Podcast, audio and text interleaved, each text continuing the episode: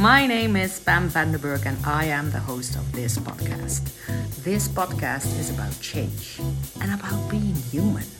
Because changing is a really natural and human thing. We are always changing. Isn't that fascinating? So, this podcast is about change and whatever is interesting to me in a given moment. Join me for the ride, and I hope to inspire you for your own ride. Let's go.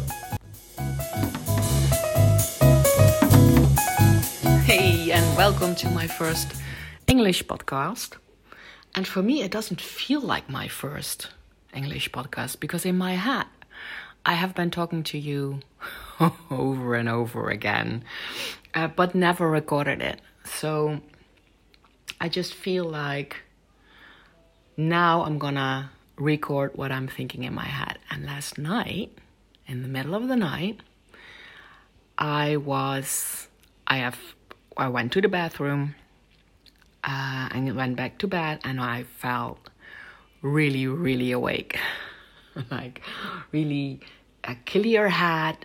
Um, and I thought, oh man, it's it's 2 a.m. it's not a really good time to feel this alert and awake. However, I am. And I can remember that I start talking to you in my head, explaining that what I was doing to get myself fall back asleep. And before I was a life coach, I was a sleep coach. So that's still like a uh, a thing that people struggle with and come to me with. But it's not that I'm only a sleep coach anymore. And I wanna, I just want to share if I I lay awake in the middle of the night talking to you in my head, explaining what I'm doing. Well, I better record it too, right? so, there are um, two things that I want to share with you about how I think about falling asleep when you are um, when you don't know how to fall asleep when it doesn't go automatically. When you feel you have to do something or you are worried that it's not going to work tonight or like me hey it's in the middle of the night i feel really alert and awake. Um, the first thing is my philosophy is always underneath the whole sleeping thing. Sleeping is something that our body already knows how to do to fall asleep. It's not, we're not trained by our parents to fall asleep. Um, so I, I learned my kids a lot of things like riding a bike and walking and um, swimming. Um, but and but we didn't train them to fall asleep. It's not that my children have been very good sleepers through, throughout whole childhood, but the falling asleep process it's it's a natural thing that everybody knows how to do if we let them. So it's not more difficult for your body than for mine. But what can happen is that um, for example, now I, I, I, woke up in the middle of the night and I feel very alert. If I uh, if I um, if that would have happened when I was a child and it was not acknowledged by a parent or by myself, or it was acknowledged as a thing, or um, that I had a mother that told me, "Oh well." Now it's happening to you. I am a bad sleeper, and you should. You probably it's it's from my side of the family, or you can get like a um, and then and then it goes to happen more than once, you can get an habituated pattern in your brain, which tells you from a certain trigger, now I'm going to bed, or now I'm waking up in the middle of the night. What we're going to do is stay alert, or we uh, we start worrying, or um, we we keep turning and tossing, or we um, we just get really stressed about the day after because I'm not asleep right now. So that can be a habituated pattern because you have like practiced it, not on purpose, of course, but it can happen. But I, I always want to go back to the fact that even if you have that habituated pattern, which you can change, it is your body can fall asleep as easy as my body can. It's like it's like breathing. It's we didn't have to train our children how to breathe. Well, maybe if in birth there were some difficulties, but but you know what I mean, right? It's not that we have to think or do something or work hard to breathe. And that's the same with the falling asleep process. It's a natural thing that everybody, that the body of everyone knows how to do if we let it if we let it right so that's the that's the core thing uh, and second what i did this night was a really important step is to decide if i want to fall back asleep under these circumstances. So last night I was really alert in my head. I, I think I, I can remember that I thought, well, if someone gave me like a really difficult uh, problem, I think I would. I'm I'm so alert. I could make a solution for it. I think I can. Um, and and and should I go up and and do some reading or, or right? So you have to decide, like really decide, if you want to fall asleep under these circumstances. So I had to decide do I want to fall, as- fall back asleep under these circumstances that I have such a clear head and I'm such alert and I'm thinking about a lot of things that I may be able to to solve right now because I'm that I'm that active in my head is that those are the circumstances to recognize the circumstances that is not why it is a problem but that is. And do i decide in that moment to even though those are the circumstances do i want to fall back asleep? And the answer can be no. It's your decision. It's up to you.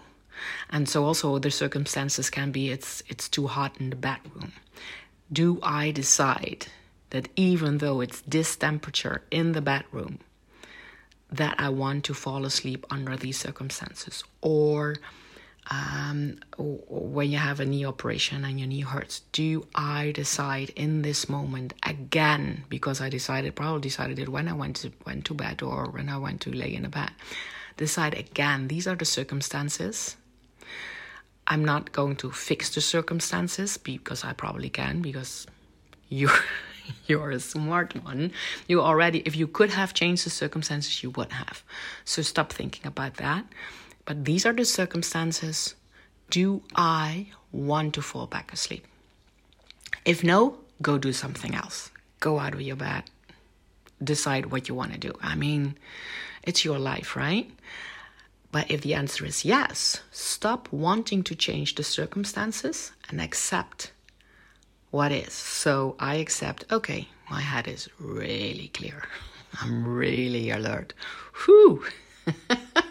but I want to fall back asleep. And then the thing is, is I have to let my body do that job. And that there's a lot of things I can tell you about it, but it's it's getting into that relaxation mode. It's finding a comfortable position that you're most likely to fall asleep in, and then wait, and then just breathe. Breathe in through your nose and out twice as long to to activate that relaxation response. And every time that I breathe out twice as long, I focus on one part of my body, so maybe my left foot and I just imagine that that foot is getting even more relaxed than before. Uh, and that's just one technique, right? But you want to get into that relaxation mode. And if it's not working because it was, wasn't working right at once, I, I start over with my body knows how to do. I decide again, uh, yes, I know I have a clear head, but I decide, no one else, that under this circumstance, in this moment, I want to fall back asleep again and my body knows how, and I'm gonna let it. So that's also relaxing my head, right? Not only relaxing my body, but also relaxing my head. And I can remember that this night I was thinking, well, I'm such a lucky girl that I'm in this comfortable bed because my bed is really comfortable. I had clean sheets because I made the bed with new sheets or uh, fresh sheets that day. Who was I lucky? It wasn't too hot, it wasn't too cold. Man, I was lucky. I could just, I, I was pain free. I was not, I, I was really lucky. And how lucky am I? I have a clear head. That's that's so nice. So I can I can tell myself these nice things. And I was also I was also really lucky because I have a really nice man in my band who was really really um I, I'm I'm just looking for the right word in English. He was asleep, but he was like he was so relaxed. He was like a baby. He was like I mean how bad would it be if he was like sick or in danger or he wasn't sleeping well or so I felt I felt really lucky and feeling lucky is relaxing for my head. Uh, and I don't know, I never look at the alarm clock on my phone for the time. I don't know how long how long it took. But I do know from experience my own experience, but also working with clients, that um, when you don't look at, at, at your watch, the time that you lay there seems longer than it is. Well, even if you do watch at your phone, right? That you think, oh, this was such a long time and only two minutes passed. Oh my God, this is gonna take such a long time. Um, or you don't, and even I would just my advice is don't look at your phone because if you see that you're already like an hour awake and then you're really really good in that habituated pattern if you are awake for an hour but also don't look don't look because whatever time you see if you are in an habituated pattern of I'm not gonna fall back asleep or I'm a bad sleeper or that happens every time I get stressed or every time I don't know um, it's summer or, or, or whatever, if you're in that habituated pattern and you look at your phone, that's going to add to the habituated pattern. You don't break the cycle, you're adding it. So don't watch.